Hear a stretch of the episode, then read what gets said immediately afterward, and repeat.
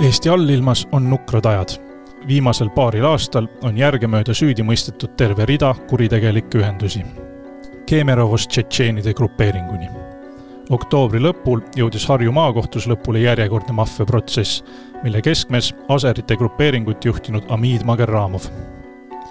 kuidas Eesti üht ambitsioonikamat ja ajaloolisemat grupeeringut juhiti, millega aserite grupeering end elatas ja kuidas uurijad nad vahele võtsid sellest ja paljust muust allilmas toimuvast räägivad Aserite grupeeringu menetlust juhtinud riigiprokurör Vahur Verte ja Keskkriminaalpolitsei organiseeritud kuritegude büroo juht Ago Leis.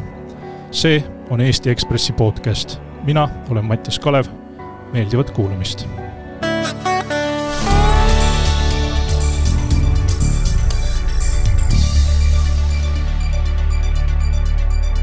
tere, Ago, tere, Vahur selle loo mõistmiseks võiks teha kiirülevaate Eesti allilma ajaloole. Ago, äh, millal Eestis aserite grupeering või seda meenutav moodustis esmakordselt ilmavalgust nägi ja kes selle esimesteks juhtideks olid? üheksakümnendatel siis äh, aserite grupeering oli väga aktiivne Tallinna keskturul, tegeles siis erineva, erinevate ettevõtlusvormidega ja sealt siis kasvas ka välja selline mõiste nagu aserite kuritegelik grupeering või ühendus. Äh, nii palju, kui mina olen vähemasti aru saanud, siis äh, allilma sees, vähemasti ajalooliselt, on täheldatud teatavat spetsialiseerumist Te. tegeletakse erinevate valdkondadega. et millised on Aseri grupeeringu peamised äh, sissetulekuallikad ajalooliselt olnud ja kas need on ajas muutunud, Vahur? selles konkreetses kriminaalasjas joonistus välja see, et äh, nad tegelesid eeskätt siis narkokuritegudega, äh, natukene oli ka vägivallakuritegusid, aga eeskätt teeniti seda kriminaalset tulu ühenduse kasvamiseks ja kestmiseks just narkokuritegudega. aga nii, nagu Ago enne mainis, et äh, ajaloo, nii-öelda ajaloolist tausta vaadates, et eks on tegeletud kõigega, mis on raha sisse toonud, kui üheksakümnendatel peaasjalikult siis need grupeeringud teenisid raha seal nii-öelda maksustamisega või ehk siis räkitiga või narkokuritegudega, ehk siis seal selles toimikus oli viiteid ka sellele, et see aserite grupeering toona kätt ette ei pannud ka muude tulu teenimiste võimaluste ees. Äh, Ago, kas äh, need narkootikumid on ka kuidagi jaotatud, et aserid või siis keegi teine näiteks, et äh, üks grupeering tegeleb kanepiga, keegi teine tegeleb, ma ei tea, heroiini või fentanüüliga, et on seal mingit sellist jagunemist täheldada? no vaadates tänast pilti, siis jah, et sünteetilise narkootikumidega ikka tegeleb selline muukeelne või venekeelne organiseeritud kuritegevus, et äh, aga samas organi-, kokaiini puhul ei ole mingit vahet, kas on venekeelne või eestikeelne organiseeritus või, või, või kanepi või, või, või ka muude narkootiliste ainete puhul, et ei saa sellist kindlat joont vahele tõmmata. Äh, nii palju, kui ma tean, siis tänapäeva laserid olid välja jõudnud rohkem sinna Lasnamäe poole. Ja nagu ma aru sain, siis nad alustasid keskturult, et kui, kui võtta niisugune Tallinna kaart, siis milliseid kante aserite grupeeringu niisuguseks tuumpunktiks võiks pidada? Kui ajalooliselt vaadata, siis tegelikult on see pilt natukene laiem, aga võib ka kaardistada näiteks toitlustuskohtade järgi mm -hmm. aserite kuritegelikke gruppe alates Koplist kuni äh, Tallinna kesklinnast Lasnamäeni, me jõuame, tegelikult nad olid üle Tallinna. niisugused šašlõkibaarid või, või mis no, need toidukohad kuidas neid nimetada üheksakümnendal, mingid putkad olid püsti ja seal siis küpsetati liha ja tegeleti ka kuritegevusega mm. -hmm no samas selle puhul, ütleme, selle konkreetse kaasuse puhul oli hea näide see, et ega nad ju nii-öelda Tallinna piires, ega nad isegi Eesti piiresse jäänud, et kui nad ikkagi ette võtsid, võtsid ikkagi mastaapselt ette ju Hamid Magrami tegevust vaadates. siinkohal on tarvis natuke selgitada, mida tähendab riigiprokurör Verte väide, et Eesti aserid üksnes Eesti piiresse ei jäänud, vaid võtsid ette mastaapsemalt. samuti võiks meenutada mõne Eesti allilma tipptegija, kellest hilisemalt juttu tuleb, nime möödunud kümnendi keskpaik oli Eesti kriminaalühendustele karm. organiseeritud kuritegevuse katusorganisatsiooni Ühiskassa vaikne ristiisa Nikolai Tarankov lasti fentanüüli ärimees Juri Vorobei poolt maha.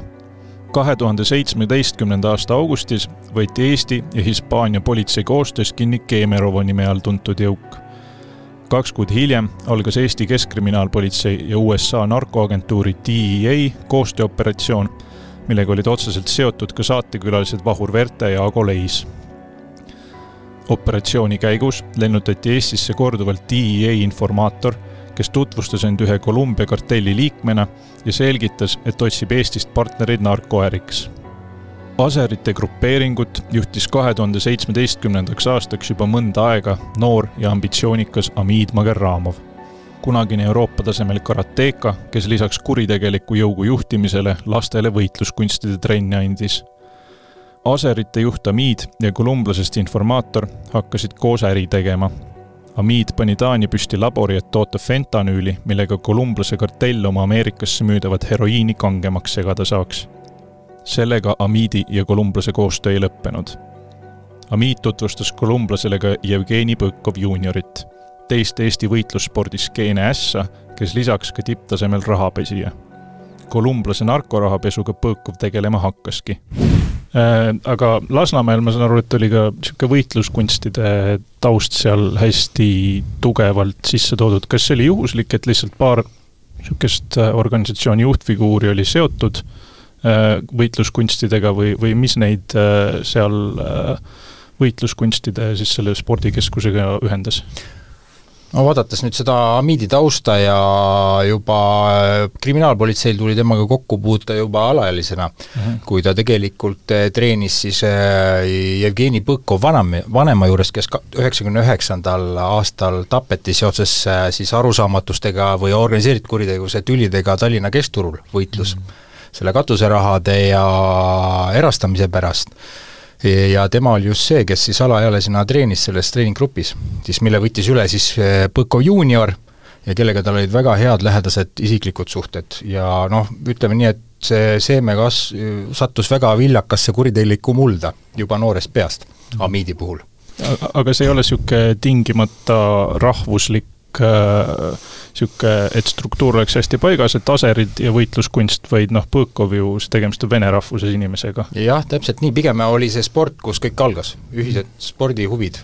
see on ka teiste kuritegevuste puhul Keemerovo näiteks. just, spordiklubi samamoodi, sul Meelis Laon tunnistanud, et siin jõusaalis boksi tees võtame jälle üldse selle esi-, niinimetatud müstilise ühiskassa mm, -hmm. kes seal alguses olid juhtivpositsioonil, ma see Nikolai Tarankov, kes on siis kuusteist tapeti, et tegelikult nad on kõik poksija taustaga, et see, see esimene tuumik ühiskassast oli tegelikult kõik poksija taustaga, mitte võitluskunstidega, sest sellel ajal veel võitluskunste eriti Eestis ei harrastatud. Vahur, sa oled äh, hästi palju või noh, küllaltki mitmeid grupeeringuid kohtus süüdistanud. Amid Magerramov ei olnud aseritel esimene juht mis mind huvitab, on see, et äh, kas selline grupeeringu juhi vahetus on enam-vähem demokraatlik otsus, mis siis tehakse kuidagi grupeeringu siseselt, või oli näiteks Magaramovi liidriks tõusmise ajal äh, sõna juhi määramise osas sekka öelda ka niisugustel ühiskassa isakestel hmm,? Hmm, hmm. tõtt-öelda ma täpselt seda enam ei mäleta, et kuidas need tunnistajad seal selle kohta rääkisid, et kes täpselt nii-öelda selle juhi vahetuse osas sõna siis, lõpliku sõna ütles, et Ago, sa mäletad? ma tean nagu neid legend, linnalegende, mida räägitakse, ütleme seal niimoodi. Neid ka tunnistajad kordasid, neid linnalegende. et eks, et üks selline vanem Aserbaidžaani rahvusest liider hakkas natuke taanduma ja siis siis anti see teatepulk üle nooremale põlvkonnale. aga et kui demokraatlik see oli, kas sa seda mäletad? no demokraatlik, no lihtsalt ega siis äh, oli ju ühiskassas selline reegel, et kui, kui kedagi edut-, kellegi ettepanek tahakse asuda sellele kohale, siis peab olema selle ühiskassa või selle ümarlaua toetus olemas, et nad aktsepteerivad teda kui järgmist liidrit. see pidi kindlasti linnas olema läbi räägitud, allmaailmas ütleme niimoodi. sest tunnistajad iseenesest, seda ma mäletan, et tunnistajad seal ütlesid, mustvalgelt kenasti ülekuulamistel, et äh, Valerka ehk siis see eelmine juht, nagu nad ütlesid, et Valerka oli nii-öelda eelmise põlvkonna esindaja ja et viia siis aserite grupeering nii-öelda siis siis kahekümne esimesse sajandisse, siis on vaja uue käekirjaga juhti, sellist äh, nii-öelda nooruslikumat, kes siis oleks äh, hands-on igal tasandil mm, -hmm. et ja keda siis, kelle, millised iseloomuomadused siis, siis Amidil nende nagu olemas olid Äh, Ago, sa mainisid, et ühiskassal tõenäoliselt seal mingi roll on, aga noh, ühiskassas siis vähemasti toona istusidki erinevate grupeeringute juhid. jah, need inimesed, kes on kõik kohtu alla andnud äh, ka ju juhtimises, et see nimekiri on juba väga pikk, et need, need inimesed olidki Eestis e,. Aga, aga ehk siis, et äh, teised, oletame, tšetšeenid või kes toona veel iganes vabaduses olid, et kui läks aserite juhi valimiseks, siis ma ei tea, Nikolai Tarankovil või või kellelgi sellisel on seal sõna sekka öelda, et see mees meile sobib, temaga saab ühiskassa asju no, öelda küll. no lihtsalt see on see asi, et kui, kui seda aktsepti ei tule, siis temaga lihtsalt linnas asju ei aeta ja ei arvestada. see mm -hmm. ongi see, et ikkagi pidi olema staatus, välja teenitud ja aktseptitud. ja seda, et tal staatus oli, iseloomustab noh, tegelikult võib öelda seda, et iseloomustab ka see, et kui Bermanovi, pärast Bermanovi tapmist üks osa Bermanoviga koos tegutsenud ühenduse liikmetest liikus siis Hamidi alla. et juhul, kui Hamidil ei oleks seda aktsepti olnud, siis suure tõenäosusega ei oleks see ühendus tal ka selle võrra kasvanud. Äh, see Bermanovi tapmine on siis äh, juhtum, kus kahe tuhande seitsmeteistkümnendal aastal leiti Viljandimaalt ühest mahajäetud talust põranda alt äh, kahe Kemerovo grupeeringu brigadiri surnukehad ja üks neist siis oli Sergei Bermanov, kellele allunud kolm-neli meest mm.. Neimar koos oma nii-öelda selle väikse tuumikuga, jah? Äh, liitusid siis äh, aserite grupeeringuga, et äh, selline mm, olukord, kus mehed jäävad justkui töötuks ja teine grupeering korjab nad üles, kas see oli unikaalne sellele juhtumile või sellist asja allilmas juhtub sagedalt? Ikkagi, et äh, minnakse lahku ja saa-, tullakse kokku ja liitutakse, et see on ikkagi normaalne selline äh, selline mingi evolutsiooniline protsess, et eh, keegi ei saa rippakile jääda, tegelikult ma ütlen niimoodi, et tegelikult ka kuritegusid saab ise toime panna, aga kui tekivad probleemid, siis on sul vaja seda vanemat või KÜ liidrit, kes saab linnas siis teise grupeeringuga need asjad kokku leppida mm., kompensatsioon, hüvitamine, kuidas rahad liiguvad, kes on kelle mees, pannakse need piirid paika, lepitakse kokku, siis on sul vaja seda vanemat. see joonistas väga selgelt välja et nii-öelda see vanakooli ühendustel mm, -hmm. ükskõik, kas me räägime aseritest, Keemerovast äh,, tšetšeenidest, et seal oli väga selgelt kirjutatud reeglid, et probleeme lahendati sama taseme ühenduse liikmete või liidrite vahel. ehk siis kui, kui oli liige millegi vastu eksinud, siis mm -hmm. tema eest kõneles tema vanem ja teise grupeeringu sama taseme vanemaga omavahel. et, et, et kui ikkagi jääd nii-öelda peremehetuks, siis sul konfliktide korral ei ole võimalik võrdväärselt sinna laua taha istuda ja probleeme lahendada. kui palju selliseid probleeme üldse siis grupeeringu siseselt või, või ka vaheliselt äh, esile kerkib, et ma kui vaadates ühe sellise klassikalise organiseeritud kuritegevuse ütleme, figuuri või, või indiviidi päevakava, siis tegelikult ongi, sinna mahub tavaliselt spordiklubi ja siis ka roh-, lõunatamine ja rohkelt kohtumisi mm. -hmm selles mõttes nagu klassikaline juhi töö, ükskõik, erasektoris, avalikus sektoris, et sa juhid inimesi ja inimesed oma vigade, puudustega, aeg-ajalt vajavad natukene nügimist, suunamist, aeg-ajalt ka võib-olla konflikti vaja lahendada. et see on see nagu organisatsioon, mida tuleb elus hoida, et ta mm. iseenesest äh, võiks ju laguneda, aga ongi see liidri roll on, et hoida omasid, lahendada probleeme ja tegeleda ka väljastpoolt sisse tulevate probleemidega. mis on loogika ka, sest et kellel seda vaja on, et sul need probleemid eskaleeruks selliselt, et neid hakatakse lahendama kuskil tänavatel, sekkub politsei, prokuratuur, toob ebatervet tähelepanu sellele kuriteoühendusele, mis omakorda tähendab seda, et kui on uurimine pooleli, ei ole võimalik sul tulu enam teenida, et et mida kiiremini ja nii-öelda kõiki osapooli rahuldavamalt see probleemid ära lahendada, et seda rohkem on sul võimalik seda tulu edasi teenida, noh, kriminaalset tulu edasi teenida, kauem oma tegevust püsida. Aga kui äh, tuua näide mõne, mõni niisuguse grupeeringu või siis sisese või grupeeringu vahelise konflikti kohta, siis noh, ainuüksi guugeldades vaatad aseritel väga kirju ajalugu, et kahe tuhandete alguses süüdistati toonast aserite juhti oma kaasmaalasest konkurendile palgamõrva tellimises, et äh, kui võtta näiteks see Magerramovi äh, aegne grupeering, siis äh, millised need siseintriigid just nagu konkreetsete näidete põhiselt seal esile kerkida võisid?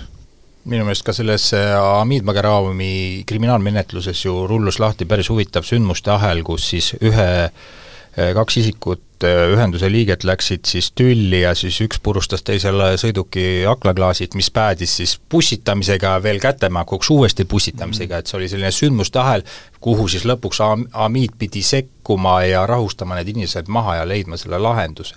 ja see oli oma grupeeringu sisene? jah, see oli selline jah, et vahepeal tekib ka oma organisatsioonis sees äh, sisepingeid, ütleme, ja arusaamatusi, ega need inimesed ei ole lihtsad inimesed, keda juhtida. kõik on jällegi samamoodi, ükskõik millises kollektiivis aeg-ajalt tekib hõõrdumisi, siis on juhi roll nagu sekkuda ja konflikte tasandada, inimeste koostööd siis sujuvamaks muuta. selles osas ühendus nagu kollektiiviga teine. aga kui võtta see idee, et kollektiiv nagu iga teine, siis noh, järelikult peab olema ka aserite grupeeringul teatav selline organisatsiooni kultuur, et äh, seda kõike näiteks kohtule ette valmistades, Vahur mm., äh, milline ettekujutus sul oma peas sellest organisatsioonist ja sealsetest tavadest äh, tekkis? ses osas müts maha Keskkriminaalpolitsei ees, et, äh, et ma ega ma väga midagi ette kujutama ei pidanudki, et ma mm -hmm. lihtsalt lugesin mustvalgelt äh, nendest äh, tõenditest, mida politsei oli kogunud, et kuidas see täpselt toimus, et selles osas oli politsei poolt suurepärane töö tehtud. et, et, et see aserite grupeering äh, tegutses niinimetatud kirjutamata reeglite pinnalt mm, -hmm.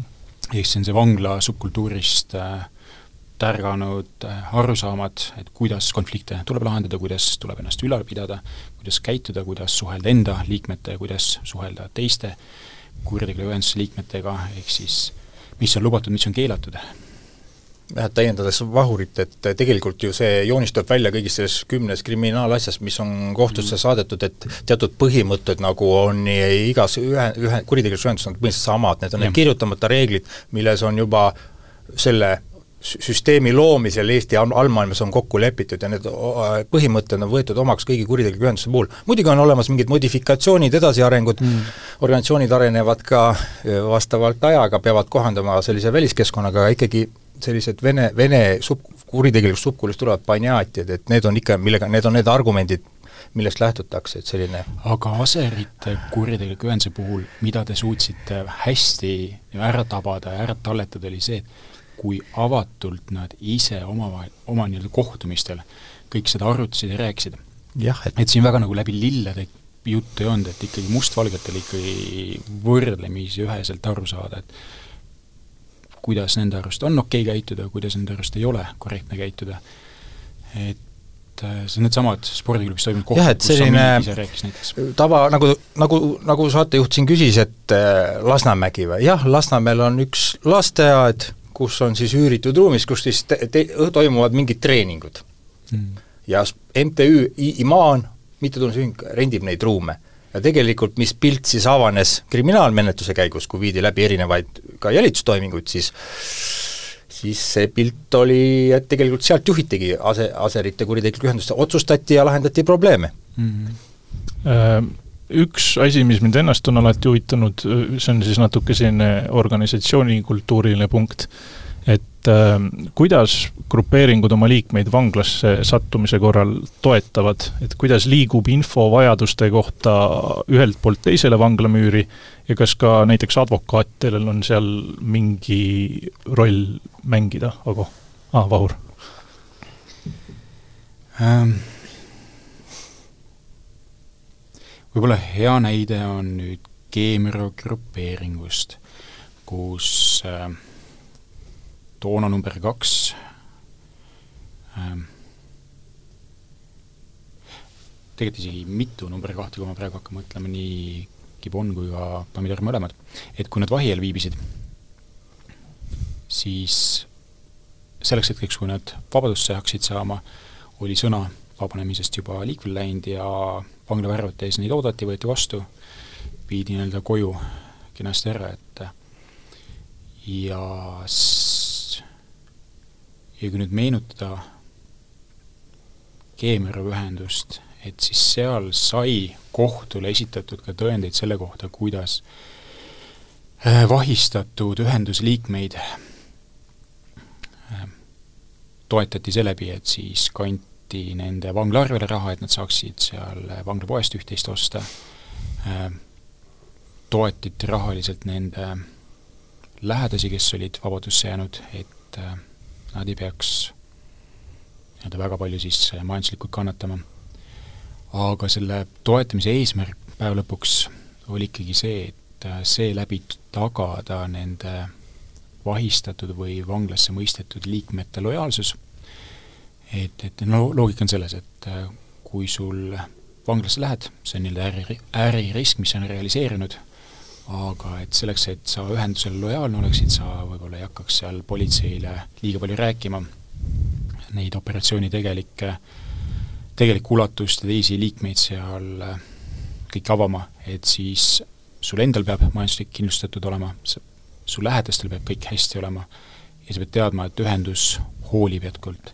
Et seda seal Keemiru asjas väga selgelt oli näha ma lisaksin võib-olla veel ühe aspekti huvitavat siis, et alati on ju tegelikult enamus asjades on niimoodi, et keegi juba ühenduse liikmetest on varasemalt mingi kuriteost, kannab juba karistust mm -hmm. mingis Eesti vanglas, siis toetatakse teda, läbi tema siis tema juba edastab Vabadusse seda ja vanglasituatsiooni infot, mis on sees, ja mitmest menetlusest on ka ju läbi jooksnud, et on kasutatud sellist infopunktidena või sideohvitserina, ütleme, vanglasse neid eluaegseid vange yeah keda on ära kasutatud ja neid siis eluaegseid vange siis toetatakse ka materiaalselt. läbi teatud variisikute siis jõuab see raha vangla arvele siis sellele eluaegsele mis mõttes äh, siis sideisikutena, et kuidas need eluaegsed vangid äh, seda infot liigutavad? no e, Vabaduses on üks inforing, aga vanglas liigub ka väga palju kinnipeetavate vahel infot mm. ja ega vangla on ka niisugune koht, et jälgitakse, keda viiakse välja üle Kuusamäel, keda tuuakse, mis päeval konvoi toimub, kogu see info on väga mm. oluline organiseeritud kuritegevusele jah, hea näide on kas või see, et kui näiteks toimusid Keemiarõva ühenduse kohtuistungid, kus olid, andsid ütlusi ka anonüümsed tunnistajad, et äh, ma ei tea, võib-olla on kokkusattumus, ei taha midagi siin vihjata, aga nendel päevadel, kus toimusid siis anonüümsete tunnistajate ülekuulamised, oli kohtusaal täis äh, Keemiaro ühenduse lähedasi, tuttavaid, sõpru, keda muudel päevadel väga tihti seal ei näinud. et, äh, et siin vandenõuteooria, teoreetik võib nagu öelda, noh, pakkuda, et võib-olla oli antud neile korraldus olla saalis ja seeläbi siis anda ühenduse nii-öelda vahi all viibijate ühenduse liikmetele signaal, et mina olen saalis teid toetamas, et ma ei ole seal kõrval kohtusaalis anonüümsena teie vastu ütlusi andmas.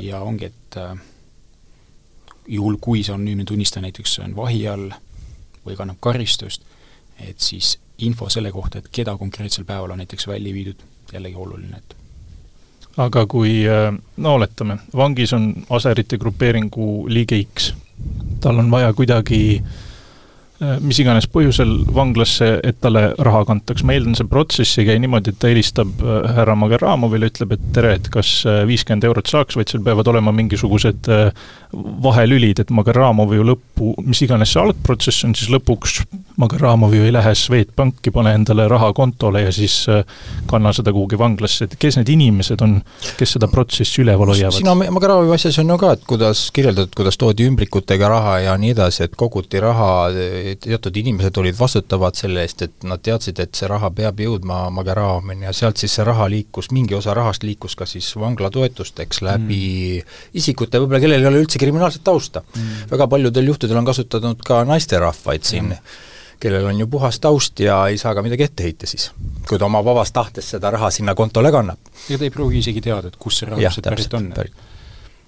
siit äh, jutust on korduvalt läbi käinud äh, niisugused viitamised, et äh, aserite grupeeringu mahavõtmisel oli hästi oluline selline põhjalik äh, jälitustegevus. Ago, sa oled öelnud, et äh, kohati rullus Keskkriminaalpolitsei silme all lahti reaalajas Märuli film. et kuivõrd keeruline see aserite jälitamine oli ja millise tasemeni nende suhtlus ja liikumine konspireeritud olid? et eks selleks sai tehtud kakskümmend neli seitse tööd, et, et need asjad tõendiks saada, vormistada ja aga muidugi noh, võib-olla mingi üks huvitav aspekt oli lihtsalt vaadata siis seda Hamid Ammagramovi enda käitumist siis, et tema oli muidugi selline liider, kes kohtus alates tänavatiirelist, oli nõus kuulama tema probleemi mm. ära, kuna siis teiste ühenduste liidritega, et et, et, et ütleme niimoodi, et selles mõttes oli hea klient, kelle pealt tuli väga palju infot ja tõendeid ja see on alati kriminaalpolitsei edu võti, kui me leiame selle inimese, keda, keda siis jälgida või jälitada, kelle pealt siis need tõendid koguda. aga seal oli selline pealtkuulamine, seal oli füüsiline jälitamine, mis need peamised kasutasime kõiki seadusest tulenevaid võimalusi. et see on jah, see, et seadusandja on andnud niisuguse täitsa viisaka tööriistakasti, kuidas äh, rasket peitkuriteost äh, uurida ja selle kohta tõendeid koguda. Neid tööriistu ei ole küll palju, aga äh, need viimased kohtuasjad näitavad seda, et Keskkriminaalpolitsei ja ma tahaks loota, et prokuratuur, et me oleme ikkagi piisavalt oskuslikult neid meile antud väheseid tööriistu kombineerinud, kasutanud, et vajalikud tõendid kokku koguda. Jah, politsei poolt lihtsalt lisaks, et, et, et kuulajale võib-olla jääks ka selline valearusaam, et tegelikult see on väga pikaldase aja töö ja panuse tulemus, et see ei tule paari kuuga, see tuleb aasta, pooleteist, või isegi mõnel juhul kahe aastaga, kui me saame need tõendid ja selle pusle kokku, see on nagu mosaiigi panemine, sest alati jääb mingi kild puudu. aga tõendid peavad olema kohtus väga hästi arusaadavad ja mõistetavad jah, see on, ütleme, et see on selline mosaiik, mille puhul see pusletükid ei tule sulle kastis, kus on siis ette antud, et mis pildi sa pead kokku saama, et pigem tulebki sul aasta jooksul politsei toob ühe väikse pusletüki, toob teise väikse pusletüki, siis töökoosolekutel siis püüame seda siis kokku panna, vaadata, palju neid valgeid laike veel alles on ja siis ongi, et prokuröri töö on seal öelda, et okei okay,, oma töökogemuse pinnalt, et okei okay,, et nüüd on see pusle nii palju koos, et kui ma selle kohtus need tükid kokku panen kohtuniku silme ees, et kohtunik saab suure tõenäosusega aru, et mille, mis seal puslepildil olema peab ja ta mõistab süüdi, et noh, täielikku pilti me ei suuda mitte kunagi kokku saada. et alati mingid valged laigud jäävad, mingid pusletükid jäävad alati kuskile peitu, aga, aga meil on see kriitiline mass on vaja kätte saada ja nendes asjades see kriitiline mass ka saadi kätte mis meie töö puhul on nagu oluline kohtueelses uurimises, et kui juba läheb konfliktiks, see on ju siis mingi, mingi protsessi lõpp, tagajärg, finaal, et siis me peame kerima nagu algusesse tagasi, kust tuli see motiiv, missugust kuritegelikku probleemi lahendati ja miks ta siis nüüd sellisel vägivaldsel kujul nagu jõudis nagu politseiteadust, et, et et ja seal on väga palju erinevaid tasandeid, rolle, isikuid, kes on vaja tuvastada, et seal ei räägita ta nagu ees- ja perekonnanimede ja isikukoodidega, vaid seal räägitakse nende hüüdnimedega, keda, kes keda linnas tunneb ja osa, osadel juhtudel isegi kasutatakse kokku lepitud selliseid äh, võltshüüdnimesid, kui need arvavad, et on vaja konspiratsiooni ikka tagada.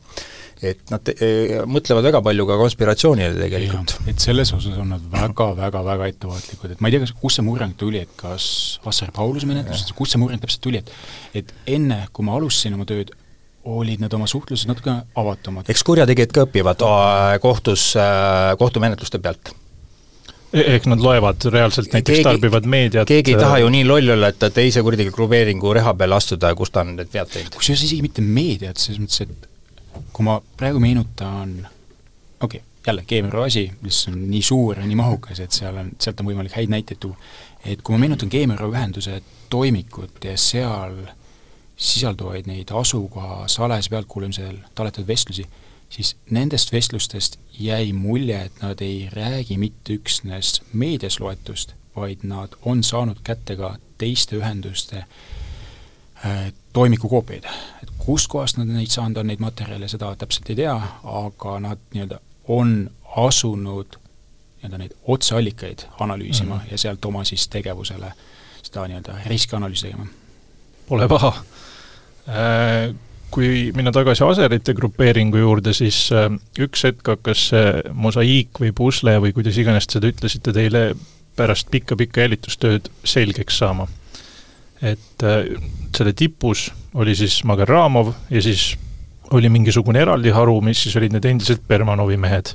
aga kui joonistada kogu see hierarhia välja, et milline, kes näiteks oli Magaramovi parem käsi, kas äh, valdkonnad olid kuidagi ära jaotatud kindlate inimeste vahel või kuidas see organisatsioon selliselt toimis? tegelikult jah, seal olid sellised struktuuritunnused olid kõik olemas, aga tegelikult ka seal inimesed nagu inimesed olid seal, üks oli selline varem suure autoriteeti oma ja varem mitme, mitmekordselt kriminaalkorras narkoärikas, Ahmed Aga Kassimov mm, -hmm. noh, tema on ka teatud ja tuntud inimene juba pikast ajast, et ta toetus sellistele inimestele. Et nagu ma ütlesin, ta ise väga palju kuulas ära ja võttis neid probleeme ette, aga samas ta delegeeris ka osad ülesanded ära nagu. seal nagu nii jäika struktuuri ei olnud nagu varasemates KTÜ-des.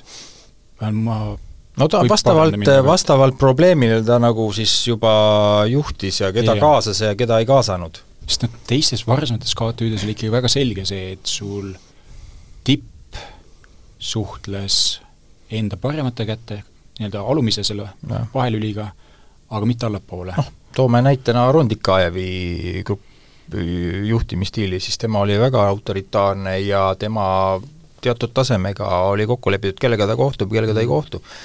et kelleks ta pidas enda vääriliseks, et ta üldse kohtub. et eh, see ongi see, et nagu tegelikult igal juhil on nagu oma stiil, et eh, kas on autoritaarne või selline natukene kuidas seda öelda, võib-olla see ei ole õige inimlikum stiil või selline lõdvem või pehmem stiil, diplomaatiliste läbirääkimiste stiil, et mm -hmm et kas on avatud, kas kabinet kus on avatud ja. kõigile või ei ja. ole? Tamid nagu üritas endast jää, jätta mulje nagu, et sellisest abipakkujast ja probleemi lahendust, eks ta tahtis ka sellega näidata, et mida ta suudab ja milline on tema mõju Eesti organiseeritud kuritegevusele mm., et kui ta suudab kõigi inimeste probleemi lahendada, siis läbi selle saab ta kasvatada oma kuulsust, nime, mõju ja ka võib-olla siis uusi ühenduse liikmeid läbi selle värvata.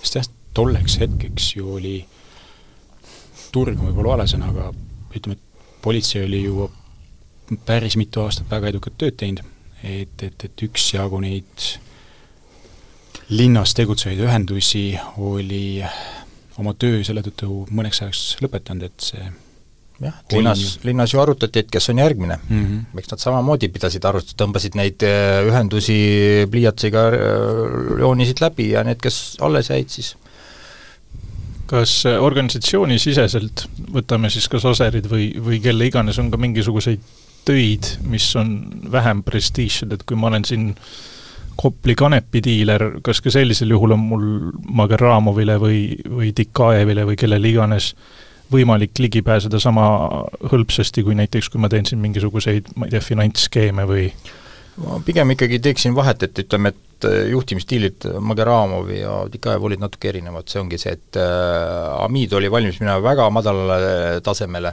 organisatsioonis ja lahendama probleeme, siis Tikajev ikka juhtis läbi jah, isikute rohkem. jah, sest et selle Turpali spordiklubi uksekaarti, kus siis nii-öelda oli see Tšetšeeni grupeeringu peakontor hiljem mm, -hmm. et seda uksekaarti kõigile päris ei antud, kui ma lihtsalt praegu meenutan neid tunnistajate ütlusi et Ikajevi niisugune natuke staatusnäitaja oli, et kui sa spordiklubi uksekaardi kätte saad, siis sa oled ikkagi juba tehtud mees? noh, võib-olla see usaldus oli siis sellisel tasemel. Võib-olla usaldus, ma jah, et täpselt ei tea, mis seal see taust aga noh, praegu minnes edasi sellega, et jah, et tegelikult tendents on sellele, et kuritegevlik ühendus, kes oskab raha toota valgekraalist teemad, rahad, siis neid inimesi hoitakse end-, ühenduse liik-, juhid hoiavad endal päris ligidal kes on problemaatilised, problemaatilised sellised, kes ise tarvitavad, kes sõidavad joobes peades sõidukitega, siis nendest on ainult jama mm. -hmm. nad on ka kohustatud neid jamasid lahendama. okei okay,, aga kui palju sul nagu enam klassikalise jäiga hierarhilise süsteemiga ühendusi täna üldse alles on? et see no. uus tendents ikkagi pigem on see, et sul ju no tänasel päeval me näeme ikkagi suu-, suund on kuritegelikele võrgustikele ja mitte ainult Eestis, vaid ikka selles rahvus, me oleme sellise rahvusvahelise organiseeritud võrgustiku osa mm. ikkagi. sest kui meenutame seda näiteks, seda operatsioon Icebreaker või noh, see Grey Eye jet, et seal samamoodi, et sul on ühenduse nii-öelda allilmas kõrgel positsioonil autoriteeti omavad isikud, kes pakuvad oma teenust või oma seda mõjuvõimu teistele grupeeringutele. jah, ja, ja, ja kuritegusid ei pandud toime Eesti Vabariigis mm., vaid pandi Leedu Vabariigis ja mujal, Iirimaal toime. et see näitabki seda globaliseerumist ja võrgustumist, et et oma politsei, oma riigis oma politsei silma alt olla noh, radarilt väljas ja see siis annab nagu sellist liikumisvabadust võib-olla Euroopa Liidu piires juurde.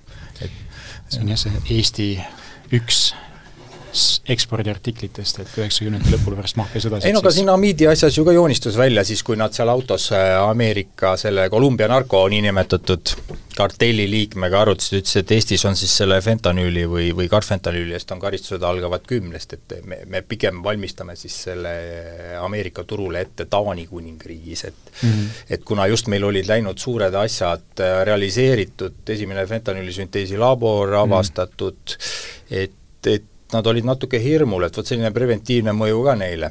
jaa, ja tolleks hetkeks oli turg, nii-öelda fentanili turg oli tühjaks tehtud ja noh, ega ei teinud saladust, et et politsei ootas põnevusega, et kes on siis see, kes selle turu nüüd üle võtab mm. -hmm. ja ma sellest Amidi asjast ma sain aru, et nad vist nagu lugesid seda situatsiooni õigesti, et ja. nad ei tahtnud need olla need, kes siis tähelepanu punkti satuvad seal. aga läksid samas Ameerika õiguskaitseorganite õnge, ütleme niimoodi? see, see Magaramovi niinimetatud kõrvalprojekt, et noh, see siis Taani püsti pandud fentanüülilabor ja ja ambitsioonikas plaan vallutada siis kokku segatud fentanüüli ja heroiiniga New Yorgi heroiiniturgu, ma iseenesest kunagi loo kirjutanud, see oli tõesti nagu märulifilm, aga Ago, et kuidas see koostöö siis USA narkoagentuuri DEA-ga sündis ja kes kelle poole pöördus, et äh, no lugu sai tegelikult alguse ikkagi, et Ameerika Ühendriigid pöördusid meie poole sellega, et, et teil on sellised isikud, kes siis tahavad uue Ameerika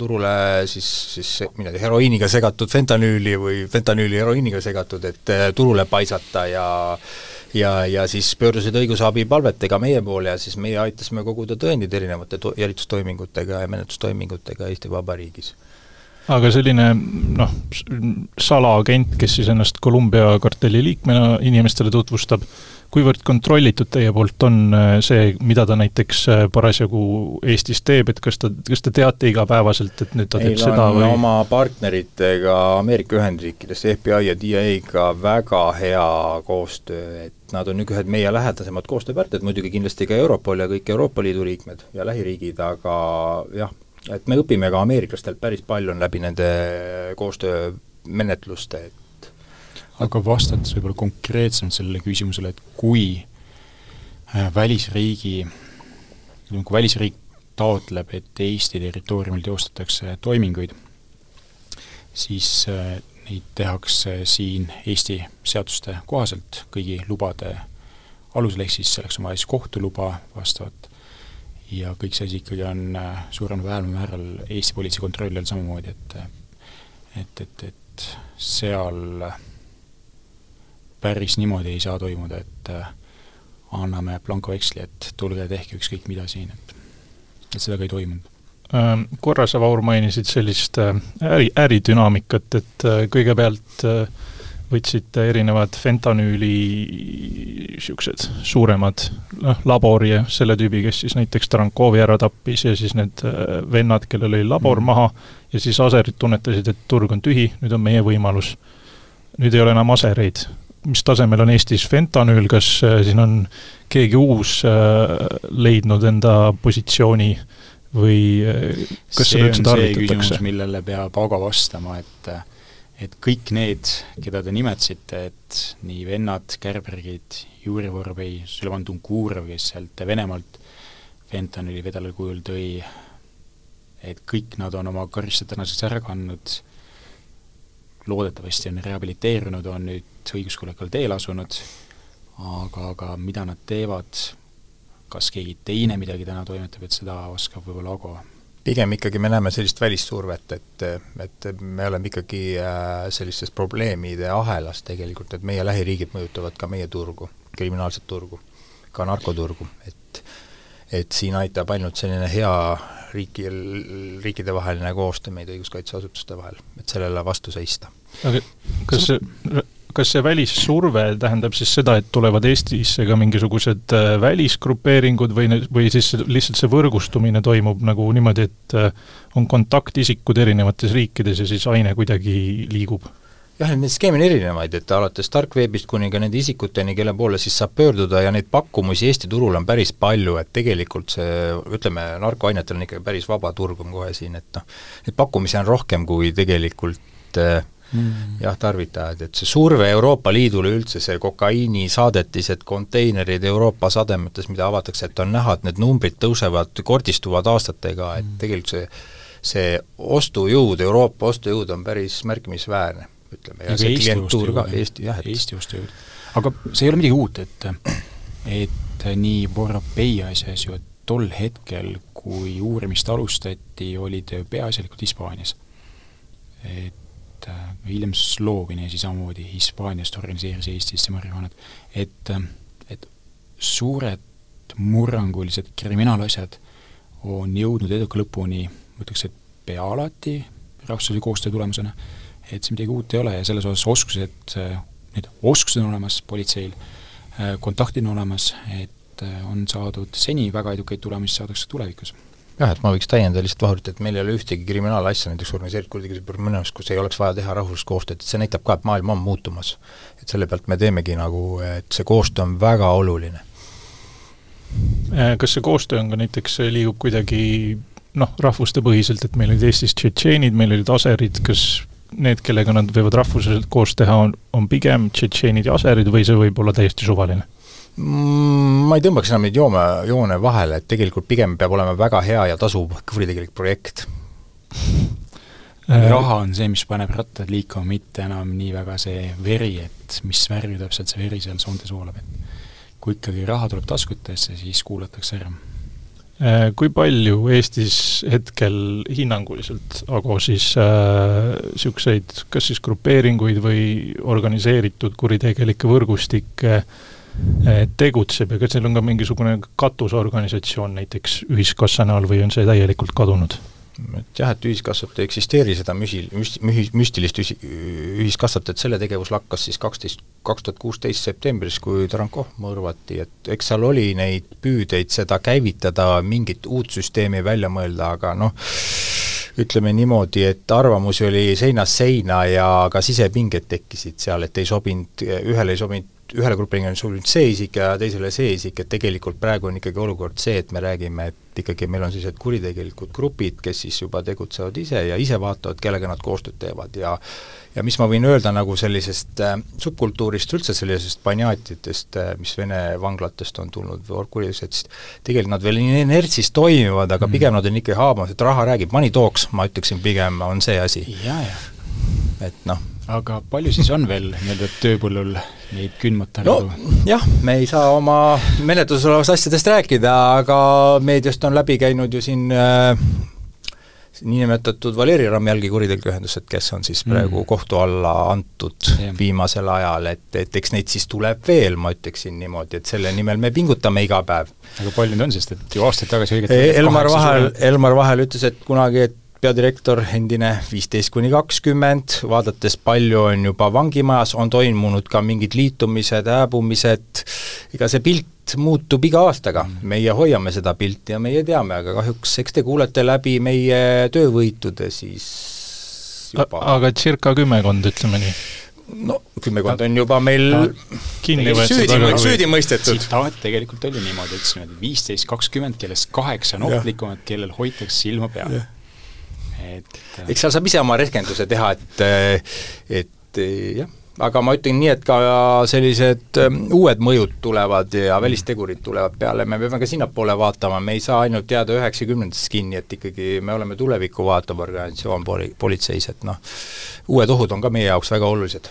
Äh, selles samas prokuratuuri aastaraamatus, kus siis Vahuri viidatud Elmar Vaheri tsitaat pärineb, ütlesite te koos kirjutatud tekstis, et äh, Eesti organiseeritud kuritegevuse ajalugu võib, võibki dateerida tinglikult enne Kolja tapmist ja pärast Kolja tapmist, Kolja all pidasite siis silmas Nikolai Tarankovi. et on see politsei jaoks keerulisemaks muutunud, et kui need grupeeringud enam ei ole nii kindlad mingisuguste veresidemete kaudu ja võivad olla lihtsalt rahvusvahelised kokku tulnud äriprojektid? Ei, eks me ikkagi teavet kogume ja analüüsime, see on pidev protsess ja meil on olemas omad äh, andmed ja mida me igapäevaselt täiendame, et et me Mi, mina tunnetan seda, ütleme, kui me vaat-, vaatame seda aserite ühenduse asja, et ma tunnetan, et asi prokuröri vaates on läinud lihtsamaks isegi. et enne Tarnkovi tapmist nendes grupeeringu asjades tunnistajad nagu väga avalalt nad ei tahtnud rääkida, et mis toimunud, kes midagi toimetab. Aserite ühenduse asjas sul juba tunnistajad rääkisid võrdlemisi avatult, et kes oli Ennamiidi, rääkisid Valerikast, räägiti ka Tarnkovi rollist, et see nii-öelda natukene muutis seda lubatu ja lubamatu, seda kirjutatud reeglite osas natukene avatumaks lõpetuseks ma küsiks äh, sellise küsimuse teilt mõlemalt, et äh, alustaks Vahurist, et Vahur, sa oled selline noh, tinglikult ja võib-olla natuke huumoriga öeldes minevikus olnud maffiaprokurör. kui sa tänaval ringi käid ja satud kuhugi Lasnamäe poksisaalide ümbrusesse, tuntakse sind ära, on sul vahepeal olnud niisugust olukorda, et tuleb noogutada mehele, kellega, kelle oled võib-olla trellide taha mõne aasta eest saatnud tuleb seda ette ja kas see on ka ohutunnet tekitanud ähm,?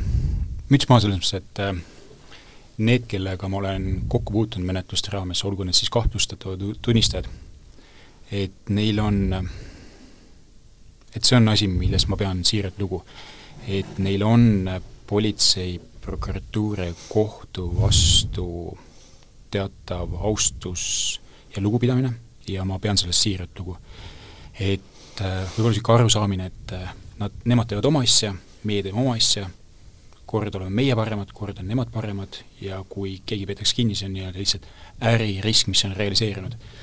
et selles osas niisugust äh, viltu vaatamist ma ei ole täheldanud, et viimane seik, mis oli, oligi, et olin jõusaalis, siis pärast jõusaalis, pärast jõusaali saunas olles tuli üks üks meesterahvas, kelle, keda ma siis Keemerova istungite ajal olin korduvalt seal saalis pealtvaatajana näinud, tuli minu juurde, ütles, et, et Vahur, et et tead, et, et tahan sulle ikka öelda, et noh, mina selle asjaga seotud ei ole, et me sõpradega lihtsalt käisime kalal, saime, käisime jalgpalli mängimas, aga et noh, ma enam nende tegudega ei tegele.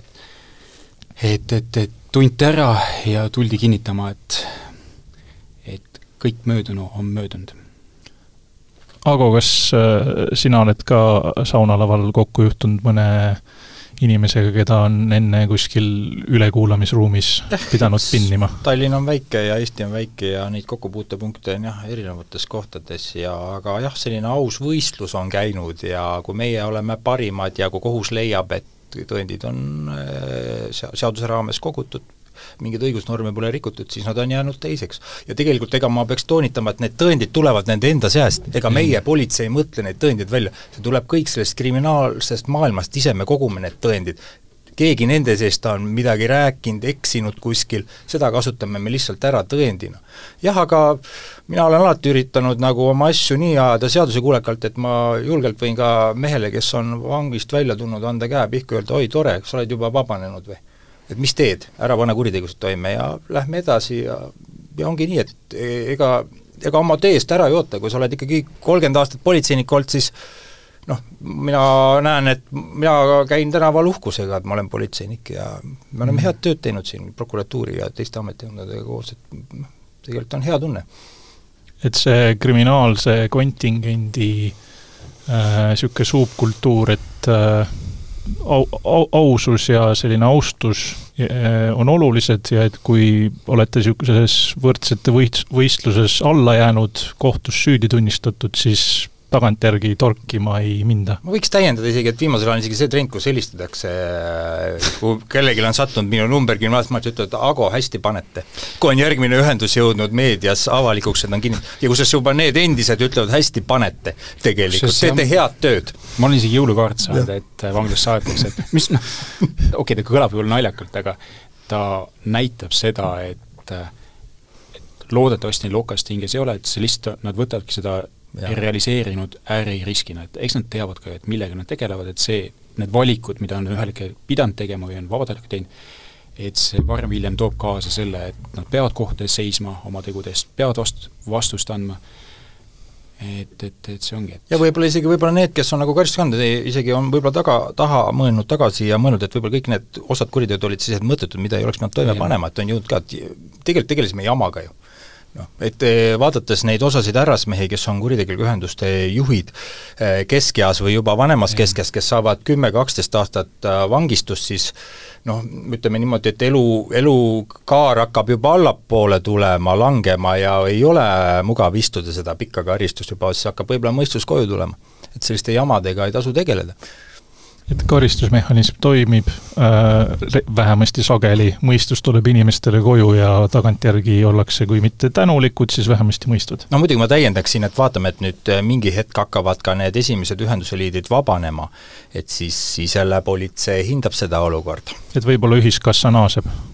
kindlasti mitte sellel kujul, mitte midagi äh, kaks korda siin ajal-, maailmas tagasi ei tule, tuleb mingi uus modifitseeritud variant mm, -hmm. uues versioonis ja aga me oleme kohal siis olgu, sellise lohutava ja tulevikku vaatava sõnumiga on ilus lõpetada, aitäh, Ago, aitäh, Vahur, äh, kuulake meid jälle järgmisel nädalal